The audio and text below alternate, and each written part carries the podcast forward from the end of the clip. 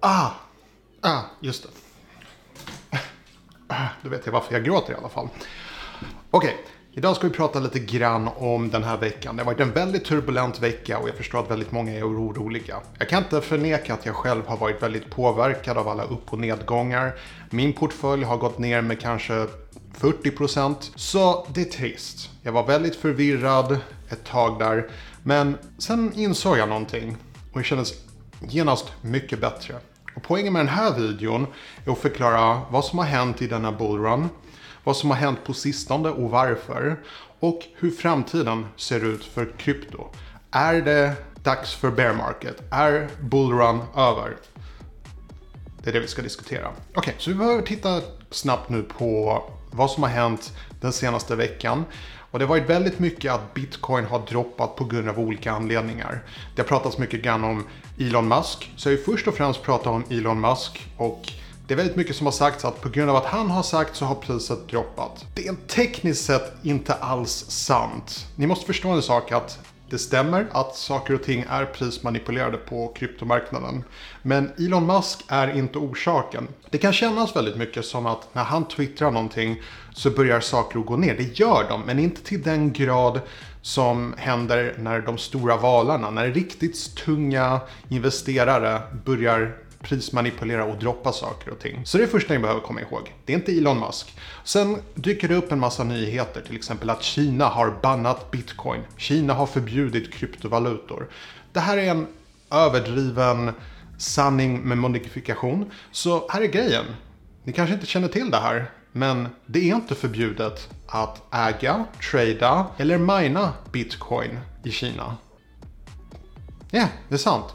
Så Kina har haft en väldigt tydlig ståndpunkt när det gäller kryptovalutor och det är att de har gått ut till sina finansiella institut runt 2013 tror jag det var och sen 2017 har de påmint de har sagt åt sina finansiella institut att inte tillåta trading av kryptovalutor för de anser inte att kryptovalutor är en riktig valuta. Så det är det de har sagt. Och sen när det skrivs artiklar, på kinesiska oftast, så översätts det här till engelska och sprids på sociala medier och sen plötsligt kan det stå på Aftonbladet att Kina har förbjudit bitcoin. Det är inte sant. Om man lyssnar på en massa kryptoexperter just nu så börjar de hänvisa till olika mystiska mönster i diagrammen. Att uh, den här kurvan går upp på ett sånt här sätt och sen händer det här och det är textbook Wyckoff-trend. Wyckoff är en slags algoritm som uppfanns av Richard Wyckoff för ett bra tag sedan när han studerade prismanipulationer på aktiemarknaden. Den här används för att se om det har skett en prismanipulation. Och har det hänt det här på krypto? Ja, det har det, men det visste väl allihopa. Så Wyckoff-distributionen som den heter, den har egentligen inte bevisat någonting. Och plus att jag har en viss åsikt om det här med prismanipulationer, men jag kommer till det eh, om en stund. Så en massa YouTubers och experter på internet, de tittar på eh, Wyckoff-distribution, de tittar på Fibonacci och de ser en massa mönster här och där och de kopplar det till tidigare cyklar. Men faktum är att om man tittar på tidigare cyklar så har det aldrig skett en så pass djup dropp som det har gjort den här veckan. Det här är historiskt. Det har droppat ordentligt mycket. Och det säger mig ett par saker. Det säger mig att vi kan aldrig lita på cyklar generellt sett. Det kan alltid hända nya utvecklingar. Vi befinner oss på ny mark. Kryptomarknaden eh, har inte funnits så pass länge.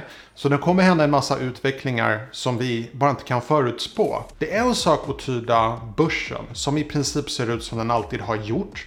Men när det gäller krypto inte riktigt samma sak. Vi är fortfarande i tillväxtmarknad, vilket innebär att marknaden inte är fastlagd än. Det kommer hända fortfarande väldigt mycket på kryptomarknaden innan den blir mainstream. Och det är det som jag vill att människor ser fram emot. När det blir mainstream, då har ni planterat era frön idag, nu. Och sen när bitcoin och kryptovalutor blir mainstream, well, då kommer era portföljer se mäktigt fina ut. Okej? Okay? Så, nu till de dåliga nyheterna med hela den här bullrunnen. Om vi tittar på hur utvecklingen har gått nu så är det väldigt tydligt att om vi jämför med historiska mönster. Kommer det ett till dropp, ett ordentligt dropp, så kan det vara början till bear market. Men det är inte helt säkert. Så det är det här jag menar. Det finns inga garantier. Du kan inte titta på ett diagram eller en kurva och säga så här kommer det hända. Det vet ingen. Det är omöjligt att veta och de som säger att de vet, de ljuger. Jag har tidigare gått ut med en massa vilda prisprognoser och det är det de är i slutändan. Prognoser. Inte att jag har tittat i min kristallkula och sett framtiden, utan bara prognoser. Det är vad jag tror, vad andra tror. Man gör rationella analyser på prisutveckling och så vidare.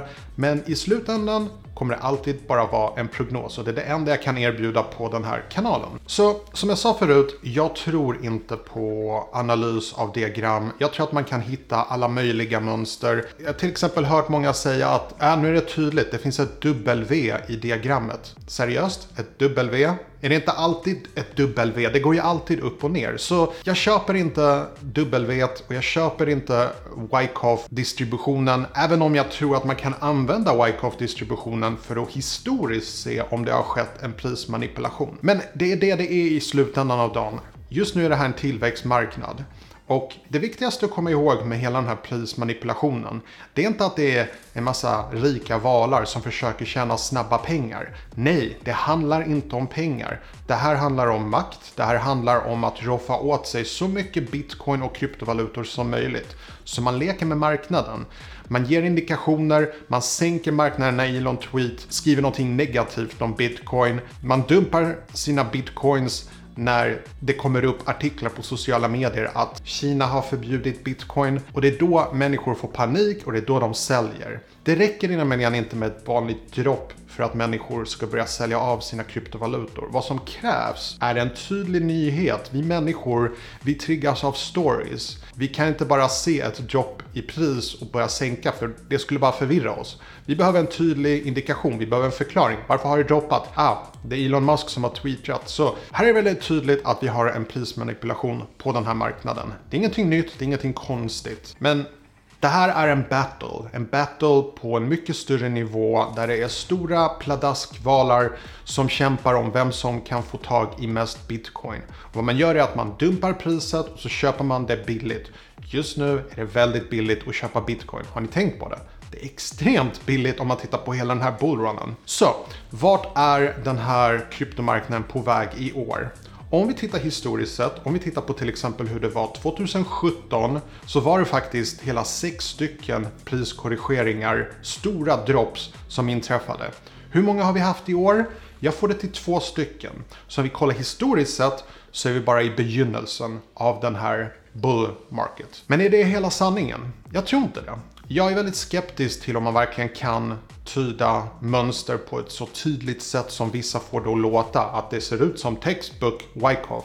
Jag tror inte på det. Jag tror att det är precis som att titta på moln och säga att det där ser ut som en zebra. Det måste vara en zebra. Nej, det är ett moln som du får att se ut som en zebra. Så om vi lämnar analys av kurvor till daytraders. För jag tror att om det är någon som har nytta av det här med kurvanalys så är det daytraders. Men för oss som investerar på längre sikt, det viktigaste vi behöver komma ihåg i min personliga åsikt, och det här är som sagt inte finansiell rådgivning, det är att vi måste titta på the big picture. Vi måste titta på vart bitcoin och alla andra kryptovalutor är på väg. Jag har tidigare kritiserat bitcoin väldigt mycket, men jag tror fortfarande att bitcoin har en framtid som ett digitalt guld, som en stabil valuta, även om den senaste veckan inte alls känns som att det är en stabil valuta. Men det är en tillväxtmarknad, vilket innebär att i framtiden kommer det antagligen bli väldigt stabilt. Jag har en väldigt, väldigt vild prognos på bitcoin som kommer jag göra en dedikerad video om. Men den är stor och tro mig, alla bitcoin-fanatiker som hatar mig, de kommer börja respektera mina åsikter snart. Kanske, antagligen inte. Sak samma. Poängen är att jag bryr mig inte om prismanipulation. Jag bryr mig inte om den här bullrun är över eller om den kommer fortsätta uppåt. Jag tror personligen att den kommer fortsätta uppåt och jag tror att vi kommer se ordentliga peaks i sommar, höst-ish. Och sen kommer det komma ett mycket mer massivt dropp och det är då riktiga bear market börjar. Men det är bara en prognos. Det är mycket som kan hända. Det kan hända att det blir en bullrun som kommer fortsätta i två år.